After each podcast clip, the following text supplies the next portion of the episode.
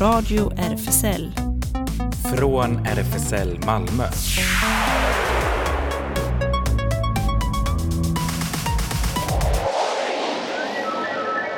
Välkommen till Radio RFSL, Riksförbundet för homosexuellas, bisexuellas, transpersoners, queeras och intersexpersoners rättigheter.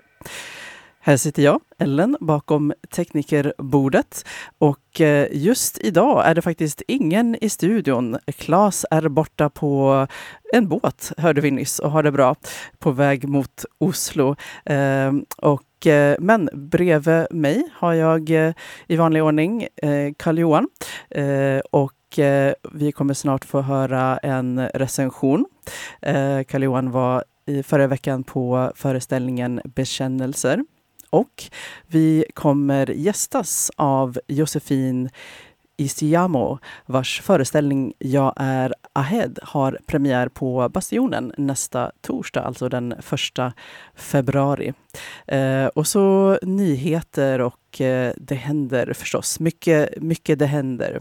Eh, vi tar och eh, börjar med en eh, låt med eh, koppling till föreställningen vi ska höra mer om. Eh, här kommer Dathiruni med Damm.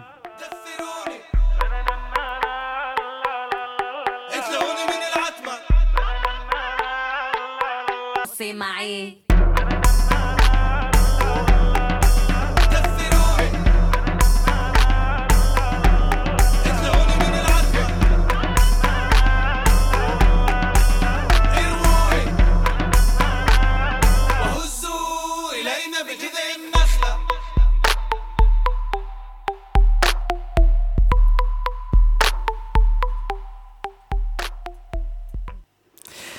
Dathiruni med Damm var det. Eh, och nu tror jag att vi har vår gäst med oss. Är du med Josefin? Det är jag. Toppen. Och eh, du ska ju alltså ha en eh, föreställning med titeln Jag är Hahed med premiär på Bastionen eh, nästa torsdag, första februari. Ja, det Eller hur? Ja, eh, och eh, den här låten vi precis hörde råkar ha koppling till ehm, eh, föreställningen. En av, från låttexten som är översatt så säger de Vi är inte en naiv generation, vi tillhör Ahed Tamimi-generationen. Så fint. Eh, men ja. Eh, berätta om eh, föreställningen. Ja, ehm, det är en monologföreställning ehm, som eh, då handlar om Ahed. Ehm, den bygger på hennes egna ord ur en bok som heter eh, They called me a lioness. Och, och en annan bok som också handlar om henne som heter Flickan som slog tillbaka. Och Ahed sitter i fängelse när pjäsen börjar Eh, hon, sitter, hon har precis blivit gripen av israelisk militär mitt i natten och eh, hon sitter i en fängelsecell och börjar fundera på hur eh, i helvete hon hamnade där. Eh, och sen så ja, berättar hon sin historia kan man säga för publiken. Så att hon, eh, hon har också sin mobiltelefon som hon filmar med ganska mycket. Ehm, hon spelar in liksom egna små klipp, Youtube-klipp och sådär. och ja, så så föreställningen innehåller projektioner och också livekamera. Um, och hon pratar också med en övervakningskamera i cellen. Um, så att hon kan liksom prata med uh, soldaterna kan man säga. Uh, ja, och ja. Uh, ja, den, den, den är skriven främst för unga människor.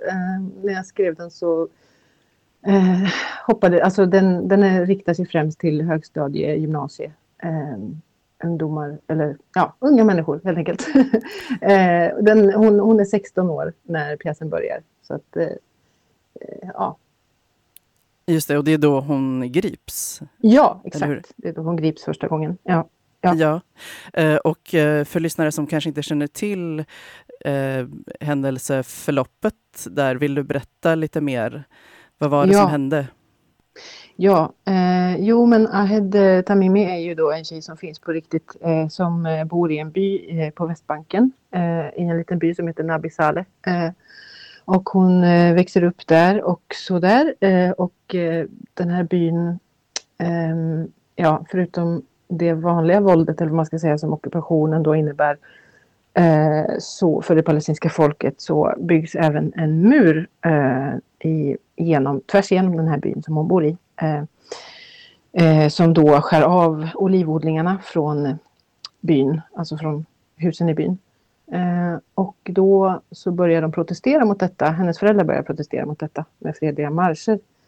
Eh, och i början så vill Ahed absolut inte följa med på marscherna men sen så eh, Sen så, ja hon vågar inte helt enkelt. Men sen så börjar hon med det i alla fall och eh, ja, alla barn är liksom i byn är ju mer eller mindre involverade i motståndet och, mot muren. Um, och, uh, och de drabbas väldigt hårt av det.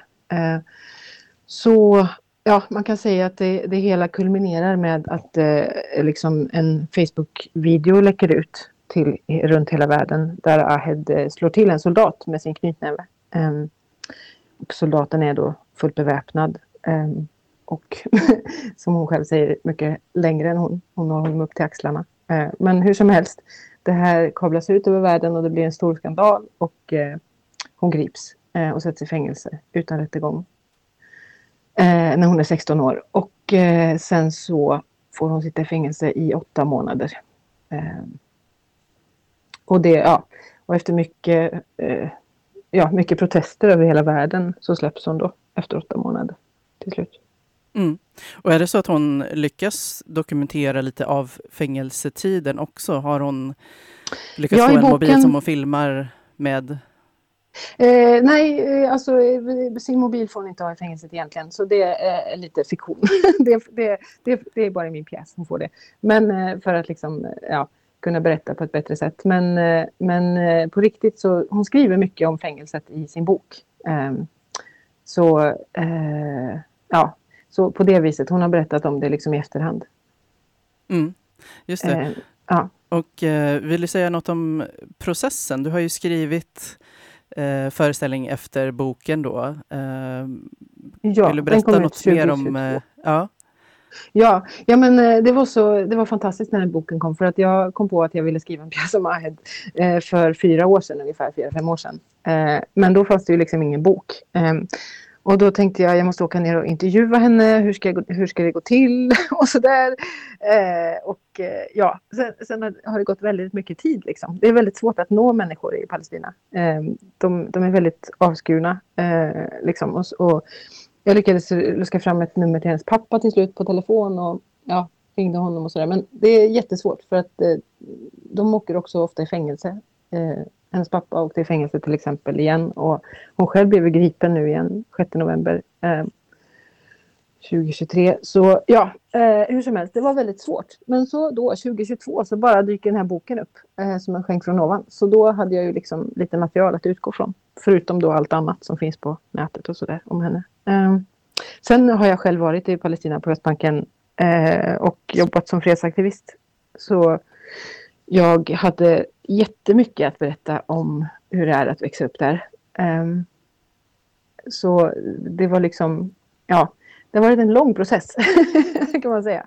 Och, och, på ett sätt så började den väl redan 2003 när jag var i Palestina första gången på Västbanken. Um, ja. Ja. Eh, du har eh, valt eh, två låtar. Den första Ahead You Are The Promise and The Glory med Tanja Maria Sakal. Vill du säga någonting om den? Ja, den är med i föreställningen, eller delvis. Eh, bitar av den är med i föreställningen. Så därför har jag valt den. Eh, så om man kommer att titta på pjäsen så kommer man att få höra lite mer av den låten. Okej, vi tar och lyssnar.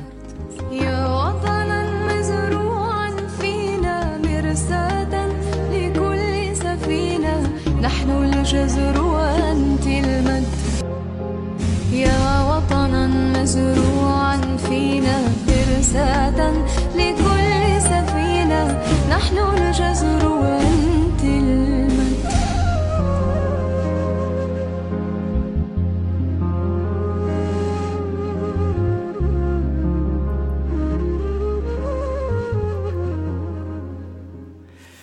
Ahead you are the promise and the glory var det alltså. Och då är vi tillbaka med vår gäst Josefin. Ja. Ja, eh, och eh, jag tänkte att eh, eh, vi hör gärna lite mer om eh, din skådespelar och regissörs och författarbakgrund. Vill du säga något om det? Absolut, det vill jag. Men jag måste bara tillägga att den här låten som vi hörde, den handlar ju alltså om Ahed och det är liksom en hyllning till henne. För hon har ju blivit världskändis. Hon är ju liksom jättekänd i hela världen. Så eh, som, en, som en frihetssymbol kan man säga. Eh, så, så det är det den handlar om. Ja, men jag ska prata lite om mig själv. Ja. Absolut. ja, eh, ja, men eh, och, eh, vad ska jag börja? Ja, men jag, jag drivs väl av att berätta om människor eh, som, alltså, som inte själv kan, kan prata ehm, i vår värld kan man väl säga. Alltså här. Eh, och Ahed är ju en av dem ehm, då eh, som liksom inte kan göra sin röst hörd eh, för att hon kan helt enkelt inte resa hit. hon får inte det. Eh, och eh, ja, det är samma med väldigt många andra människor. Jag har skrivit, eh, jag har arbetat med papperslösa eh, flyktingar från Afghanistan också som jag har skrivit om och jag har eh, ja, eh, också skrivit eh, föreställningar förut om, eh, som har handlat om Palestina på olika vis eh, och också om eh, jag har precis gjort en föreställning om Anne Frank som ju är död så hon kan inte heller berätta själv. Eh, men eh, ja, men så det är liksom min drivkraft är väl att, att göra röster hörda som inte annars hörs eller som jag upplever inte annars hörs. Mm. Eh, och jag eh, har arbetat som skådespelare sedan jag gick ut scenskolan i Malmö 2021, 2001. Så det är ju ett tag. Eh, på olika teatrar har jag jobbat, eh, främst på institutionsteatrar. Men, så att jag har haft lite svårt att hinna skriva och göra eget. Men nu senaste tiden så har jag haft lite mer tid till det. Så nu driver jag en frigrupp som heter Nyland. Ehm, och eh, ja, vi vill göra nyskriven, aktuell, brinnande het politisk scenkonst för unga. Så då, ja. Ehm, jag är Ahed är en del av det. Just det. Arbetet. Ja. ja. Eh, vad, vad, tycker du om med ehm, eh, teater som, som eh, medel eller medium? Mm, alltså, jag älskar verkligen teater eh, som medium och jag eh, tror på att eh, jag tror på det. Jag tror på den sats, liksom, sättet att förändra. Um, jag tror på inlevelseförmåga och ja, mentalisering, mentaliseringsförmåga. Alltså jag tror verkligen på att eh, vi behöver eh, leva oss in i andra människors liv och eh, värld för att kunna eh, förändra saker på riktigt eh, och långsiktigt. Eh, vilket, jag, vilket jag hoppas att jag... Alltså det är liksom det jag vill vara en del av. Eh, så eh, men sen tycker jag också att magin med teater är liksom att vi saknar så mycket magi i, i eh, vårt sätt att leva just nu. Och eh, ja, jag älskar de där ögonblicken när man liksom kan plötsligt få se rakt in i en annan människa som kan hända på en scen. Eh. Mm.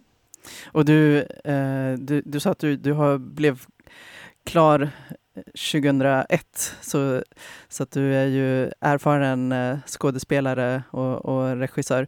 Um, om du skulle ge dig själv något råd uh, till, till dig för 20 år sedan, vad skulle det vara? Oh, ja, det var en bra fråga. Uh, ja du, alltså jag minns faktiskt att jag, jag och mina två bästa vänner då, som fortfarande är mina bästa vänner nu, vi satt på en gräslänt utanför Göteborg. Eh, vi hade precis gått ut gymnasiet, måste vi ha gjort. Och vi liksom pratade om hur ska vi förändra världen? Eh, och så bestämde vi oss för att vi skulle ha tre olika vägar då. Och min väg var teater. Eh, och jag kanske skulle säga till mig själv att liksom eh, ta det lugnt. du behöver inte ha så himla bråttom. Man kan liksom inte, ja, man kan kanske inte förändra allting på en gång. Man kan inte mm, ja, man får vara lite snäll mot sig själv också på vägen. Men, eh, men jag är väldigt glad för, den, för det tillfället, för det, det, det har liksom drivit he, hela resten av mitt liv kan man säga. Eh, det var ett väldigt viktigt beslut som fattades där och då. Att, eh, ja men okej, vi väljer varsitt sätt. Jag väljer teater, du väljer skola och du, ja, sådär. Ja. ja. Och eh, eh, till sist, vad, vad, skulle du önska att um, eh, de som går på föreställningen eh, nu då som har premiär nästa torsdag får för upplevelse eller eh, att det väcker för tankar eller känslor hos dem? Vad skulle du önska? Oh, men jag, jag önskar att eh, man för en liten stund kan eh, få leva sig in i Aheds eh, liv och värld. Ehm, för det, eh, jag, jag upplever som att i Sverige eh, att det är väldigt lite information, eller man vet väldigt lite om hur det är att växa upp på Västbank, i Västbanken eller i Gaza. Ehm, så jag tror att det skulle vara jättebra om fler bara kunde få känna lite hur det känns. Det hoppas jag, att de kan få känna lite hur det känns. Mm. Ja, inte bara liksom få, som att man läser en tidningsartikel och får en massa fakta eller så eh, om att det sitter jättemånga palestinska barn i israeliska fängelser, för det gör det ju. Eh, utan att man får en känsla av hur det kan vara. Just det, mer än bara mm. en intellektuell förståelse. Ja, ja Att precis. man berörs känslomässigt. Ja. Eh, du har valt en till låt. Eh, vill du berätta om den? Nour El Ain med Amr Diab. Ja, jag kan säga att eh, första gången jag hörde den så satt jag i en taxi, eh, en gul taxibil eh, på Västbanken. Eh, det var soligt, varmt, eh, dammigt och taxichauffören hade alla rutor öppna, nedvevade. Eh, och ja, så spelade han den här låten. Fint. Så det kan man tänka på. Okej. Okay. Tack så mycket Josefin och hoppas det går bra nästa torsdag på premiären. Tack! Tack själv.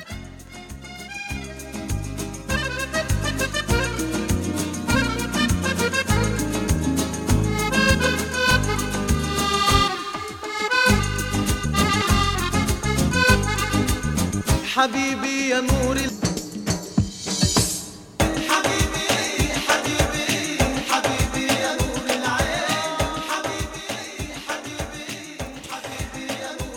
Nour Elaine med Amr Diab önskad av vår gäst som vi precis hade med oss.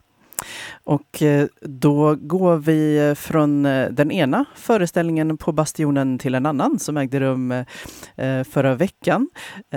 Och min teknikerkompis som jag har bredvid mig här, Karl Johan, var och såg den och skrev en recension som vi kommer få höra här. Så här skriver Karl Johan han börjar med lite bakgrundsinfo om föreställningen som finns på Bastionens hemsida. En soloföreställning om drömmar och tvivel. Om att vilja något så mycket att man glömmer varför man vill det. Om att vänta på mejl och om Age Delay Eye Cream och eh, om vem eller vad det egentligen är som avgör ens framtid och om att känna sig mer som Salieri än som Mozart. En ung skådespelares uppgörelse med sig själv och sina förväntningar på jaget, världen och livet. Och så lite fakta om, om eh, föreställningen. Den är alltså av och med Vilma Linton. Och medregissör var Lisa Corti. Eh, foto och grafik Sandra Liljegren Consalves och röst Victoria Flodström. Eh, och så några allmänna intryck. Scenen var inte jättestor och all rekvisita var utplacerad från början så att som publik blev man snabbt bekant med scenografin. Detta var en soloföreställning och det framfördes en monolog. I de allra flesta fall var karaktären i föreställningen riktad mot publiken så att man kände sig som en aktiv del av samtalet. Även fast man egentligen inte bidrog med mer än ett, ett lyssnande öra. Att karaktären var vänd till publiken användes också som ett redskap för att visa karaktärens inre tankar. Exempelvis kunde karaktären i föreställningen prata till en kund. En kund som inte hade någon motsvarande skådespelare. Därmed tittade inte karaktären på publiken. Och sedan vände sig karaktären till publiken för att berätta om karaktärens tankar. Monologen kändes också väldigt levande, nästan som en lång konversation som bara flöt på. Karaktären i föreställningen var också väldigt tydlig med sina känslor och tankar genom hela, hela monologen. Eh, så att som publik satt man inte och undrade hur karaktären faktiskt kände. Det gjordes tydligt. Det var relativt mycket rekvisita som användes genom hela föreställningen. Detta bidrog ännu mer till föreställningens levande karaktär. Och jag tycker att rekvisitan användes på ett väldigt organiskt vis. Rekvisitan bidrog med ett spännande element då varje rekvisita kom med ny rörel nya rörelser eller sätt att integrera med scenen på. Eh, och så lite om storyn. Föreställningen var då en monolog som berättade en historia om en ibland aspirerande skådespelare. Man fick ta del av hur skådespelaren som monologen talade om rycktes in och ut ur sin motivation kring skådespeleri. Dessutom kom monologen till att inte bara behandla denna motivation men också rädslor, förhoppningar och frågor som skådespelaren i berättelsen brottades med. En del av monologen som stod ut till mig var när karaktären i framställningen gick vidare i en audition. Karaktären hade gått vidare till runda två i auditionen och skulle ha ännu en audition för uttagningen till en skådespelarutbildning. När dagen för auditionen dock närmade sig kände sig karaktären i framställningen att eh, karaktären började bli sjuk. Karaktären fick då rådet att använda denna rädsla av sjukdom i sin audition. Att behärska och framföra dessa känslor av sjukdom i auditionen. Karaktären blev dock så överväldigad av alla sina tankar och lyckades inte använda sig av känslorna av sjukdomen på sin audition. Det slutade med att karaktären inte tog sig vidare till nästa runda. Scenen står ut till mig då den här känslan av att veta vad man behöver göra i detta fall använda sig av känslor, men ändå inte lyckas nå fram är väldigt påtaglig. Det är en känsla som jag tror alla har känt vid olika tillfällen i sitt liv och det kan vara en extremt frustrerande känsla. Jag tyckte att för, föreställningen förmedlade denna känsla på ett väldigt levande sätt som gjorde att jag själv kunde identifiera mig med karaktärernas känslor även om jag har funnit, befunnit mig i exakt samma situation. Jag tyckte också att denna känsla kan kopplas till några av de teman som föreställningen behandlade. Exempelvis känslor kring, kring förändring och framtiden. Och några generella teman i föreställningen är eh, förändring, eh, fysisk och mental. Känslor kring förändring och hur man ska hantera dem och känslor kring eh, framtiden. Um, och så en sammanfattning. Jag tycker att Bekännelser var en väldigt bra framställning. Vilma Linton spelade sin roll väldigt bra och man drogs in som publik. Monologen var väldigt välskriven och rekvisitan som användes hade en väldigt naturlig plats i föreställningen. Så det låter som en, en rekommendation. Karl-Johan nickar här bredvid mig. Uh, vi kan ta och höra en låt här vald lite temaenligt, efter föreställningen. Här kommer um, Infatuation med Sofie.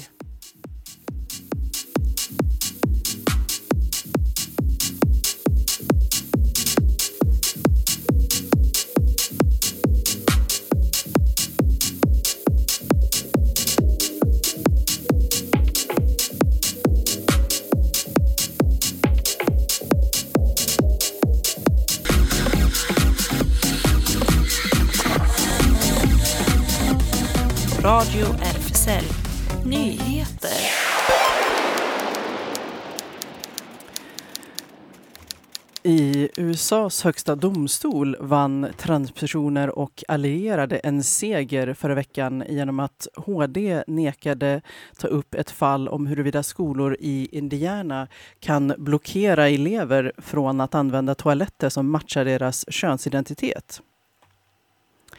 Tack vare HDs vägran kvarstår en lägre appellationsdomstolsdom som bekräftade transstudenternas rättigheter att få tillgång till rätt toalett. Det handlar om tre transpojkar som går i skolor i Martinsville och eh, Terre Haute, Indiana.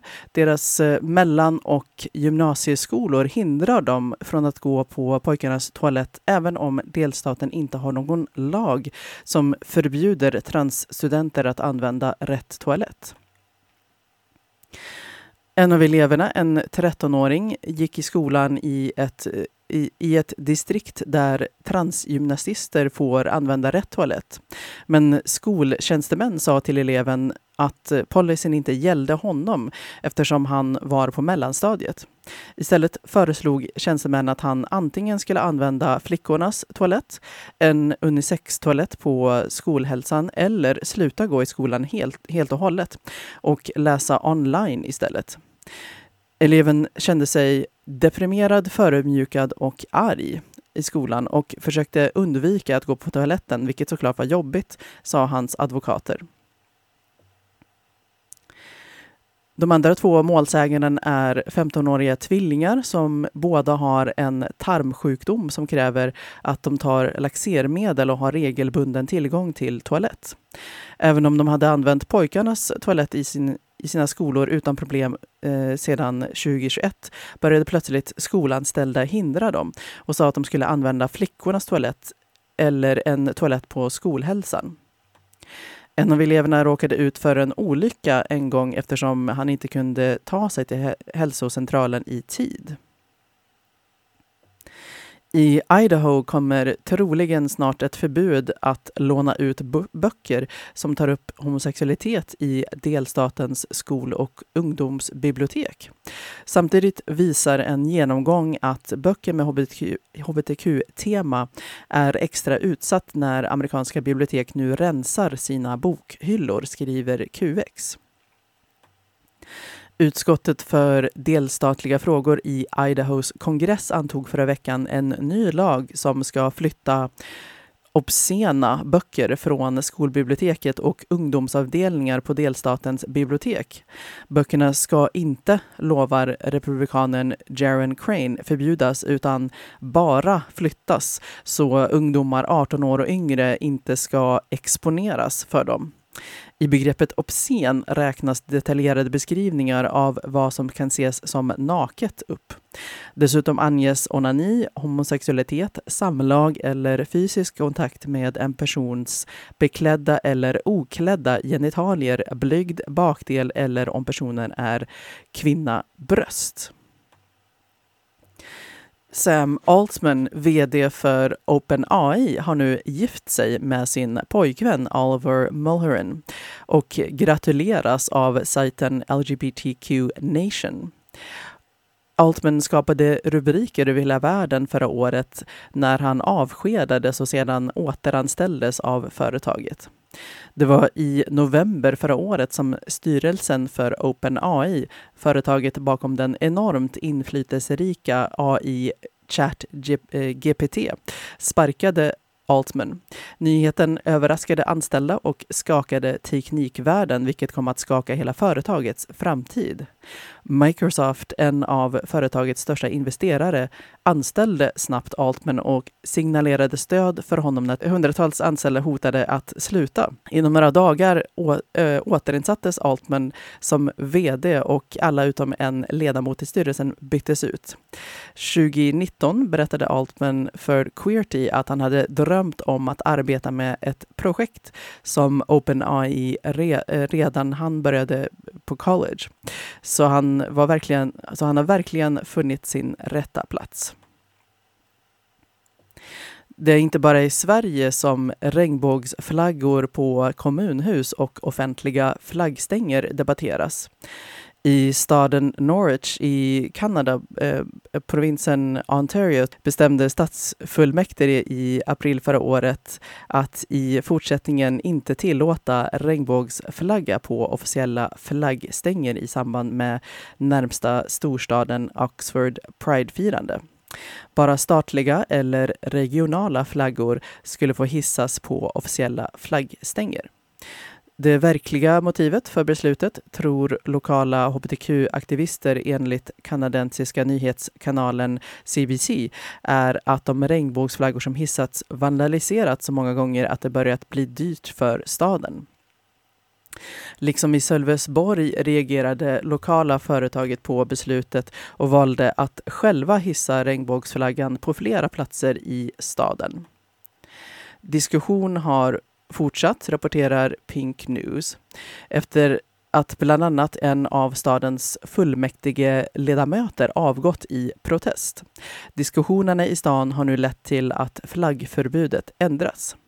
En speciell utsedd flaggstång ska nu få användas inte bara för att uppmärksamma hbtqia plus communityts Pride-firande utan även andra flaggor som Remembrance Day flags, Every Child Matters flags, Black History Month flags, FN-flaggan och flaggor som kopplas till sportföreningar och lokala militära klubbor.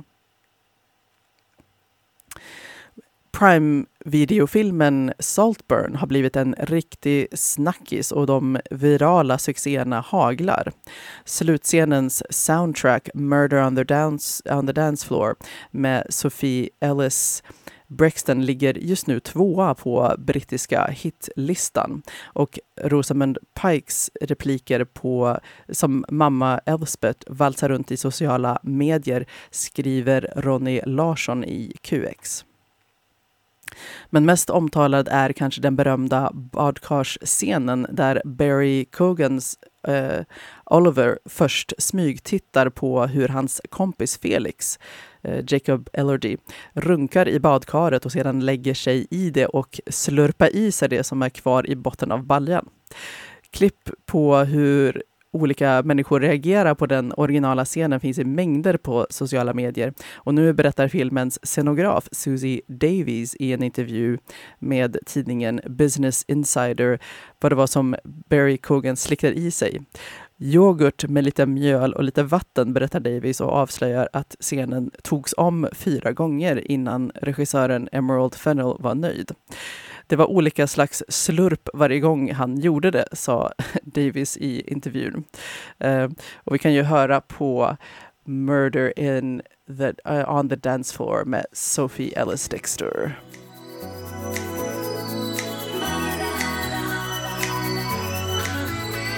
It's murder on the dance floor.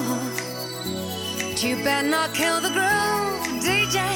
Gonna burn this goddamn house right down.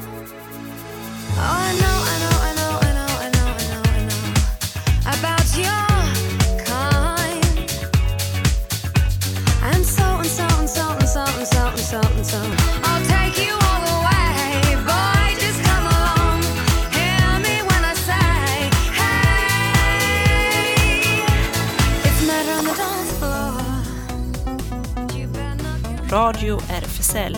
Det händer!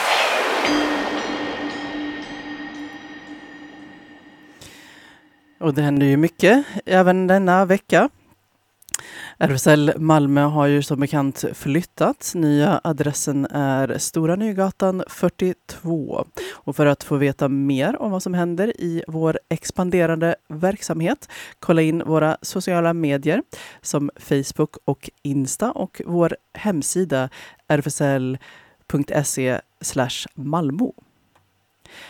RFSL Malmö har öppet café på torsdagarna och eh, seniorkafé på söndagarna, båda klockan 13 till 16. Space Malmö har träffar varannan lördag klockan 14. Nästa blir den eh, 27 januari på Brads Board Game Café, Brogatan 11. Och mer info hittar man på eh, Space Instasida. Biplus Skåne har sin nästa träff i lokalen den 14 februari klockan 18. Det är träffar för alla som identifierar sig under paraplytermen Bi plus och för dig som funderar över om det kan kanske stämma på dig. Newcomers populära kaféverksamhet för nyanlända, asylsökande och hbtqia eh, plus-personer. Så eh, är som vanligt på fredagar klockan 15 till 19 och eh, även träffar på måndag eftermiddagar för sociala kontakter och juridisk hjälp. På onsdagar ordnas träffar för hbtqia plus ukrainare som behöver en säker plats att träffas och eh, engelskt språkcafé anordnas, anordnas för ukrainare klockan 15.30 till 18.30. Queer Kids träffas onsdagar klockan 10 till 12 i våra lokaler. Det är queera babyföräldrar som träffas med sina barn, sjunger, leker och umgås.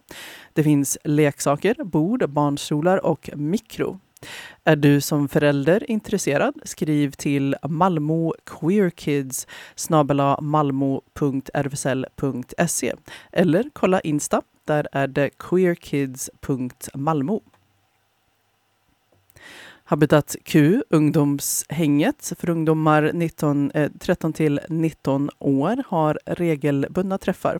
Kolla på Facebook eller Insta. Där är det snabbala habitat understreck Q och eh, DMa för att få veta när och var man träffas. Tamam Luna träffas eh, tisdagar 17 till 20 eh, och det är träffar för unga rasifierade hbtqai plus personer mellan 13 och 19 år. Eh, kolla på Facebook eller Insta. Där är det snabbela tamam understreck luna för att veta plats för kommande träff. SLM Malmö håller till på Sallerupsvägen 30. Det är en medlemsklubb bara för män. Kolla hemsidan slmmalmo.se där specialträffar annonseras. I vanliga veckor gäller följande schema. Tisdagar, pub, öppet 20 till 24, men dörren stänger 22. Och lördagar, klubb, eh, 22 till 02, men dörren stänger vid midnatt. Och veckans Palestina-demon i eh, Malmö eh, är då lördag den 27 klockan 14 på Sankt Knuts torg och söndag den 28 klockan 13 på Gustav Adolfs torg. Eh, och vill man hålla sig uppdaterad med eh, tid och plats för kommande demon så kan man bland annat kolla Insta-kontot Malmo får, eh, Palestina eh, för upp kommande evenemang. The Shark Project har premiär imorgon på Bastionen. Det är en föreställning om att eh, möta sin inre kritiker, se den i vitögat och försonas med den.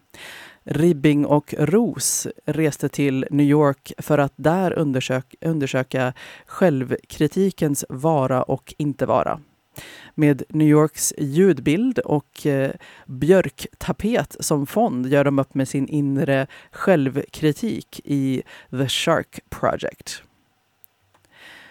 Ribbing och Ros är skådespelaren Lotten Ros och dansaren Emma Ribbing. Deras första gemensamma scenkonstverk bygger på nyskrivna texter av Emma Ribbing. Premiär imorgon spelas veckan ut biljetter via kulturcentralen.nu.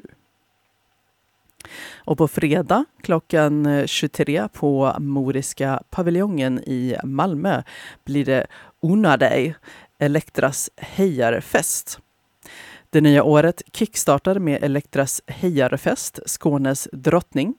Kan Malmö FF heja på sitt fotbollslag inför en SM-final så kan banne mig vi också säger de. På scen kommer konferencier Albin Ganovic presentera några av stans bästa dragqueens.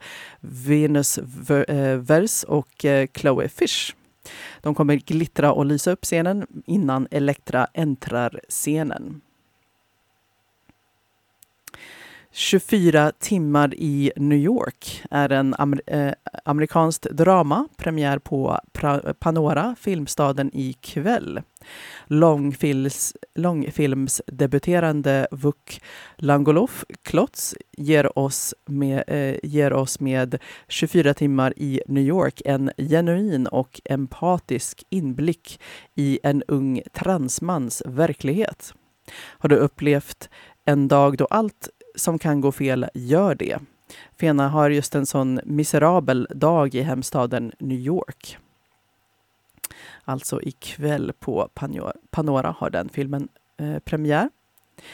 Eh, lördag den eh, 21 eh, blir det klockan 16 till 18 dubbelexponerat islamofobi i queera rum på Page 28 historiska och nutida perspektiv om hur vi kan bekämpa islamofobi med Lina Mohageb. Föreläsning och workshop på svenska. Du som är queer och muslim är välkommen till en kväll som handlar om oss. Du som är allierad är välkommen för att få handfasta metoder kring hur du kan vara bättre allierad från ett abol abolitionistiskt perspektiv och hur en undviker falla in i rasistiska troper kring homofobi, queerfobi. Eh, och också på Page 28 på tisdag den 30 klockan 19 då är det Tisdagsklubben, Solidarity for Queer Palestinian Literature. Tisdagsklubben är tillbaka för 2024 och även i år uppdelat i fyra, fyra olika teman per kvartal. Kärlek och sexualitet, coming, coming of age, motstånd och kamp och slutligen för kvinnor och queers av quin, eh, kvinnor och queers. Under det första kvartalet fokuseras på kärlek och sexualitet. Först ut inom det temat är You exist too much av Zaina Arafat. Romanen är berättad i korta scener som växlar mellan USA och Mellanöstern. Från New York till Jordanien, Libanon och Palestina där Arafat spårar huvudpersonens utveckling från blyg tonåring till eftertraktad DJ och blivande författare. Ingen föranmälan krävs och det är bara att komma förbi. Eventet arrangeras i samband med av ABF Malmö. Eh, och faktiskt eh, ännu mer på Page 28, det är mycket på gång där. Torsdag den eh, 31 eh, januari klockan 18. Queer diskussionsgrupp är igång. Eh, och då välkomnas man att ranta. Let's rant. Come and get everything off your chest. Kom och ventilera. Nytt tema varje vecka. Diskussionen leds av Tove, Aida och Elin, såvida inget annat anges från Page 28. Det kan också komma att bli på engelska beroende på vilka som kommer. Eh, vi bjuder på eh, kaffe och te. Eh, nästa installation av dubbelexponerat blir det också på lördagen den 3 februari. Eh, Queer i Sápmi, dåtid, nutid och framtid. Fjärde föreläsningen inom projektet eh, Dubbelexponerat. Den här gången med temat Queer och same. Fokus kommer vara på queer samisk historia, hur situationen har sett ut för queer samer samt hur utvecklingen har gått och utmaningar som queer samer står inför framöver. Eventet arrangeras i samband med Samiska folkets dag som är den 6 februari. Levi Karvonen är queer och har samiskt påbrå från Enontekio.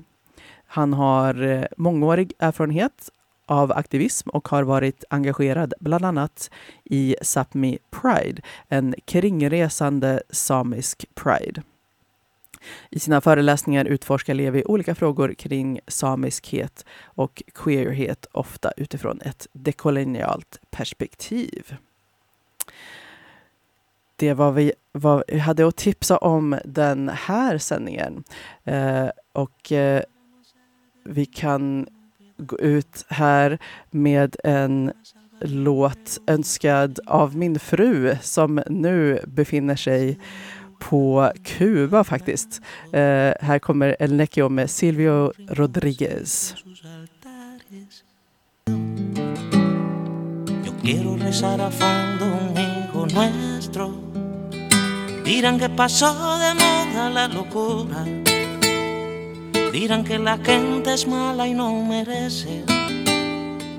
Yo partiré soñando travesuras.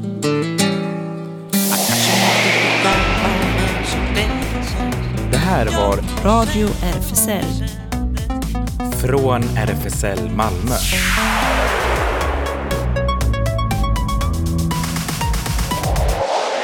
Kolla in Radio RFSL på Instagram och Facebook för mer information.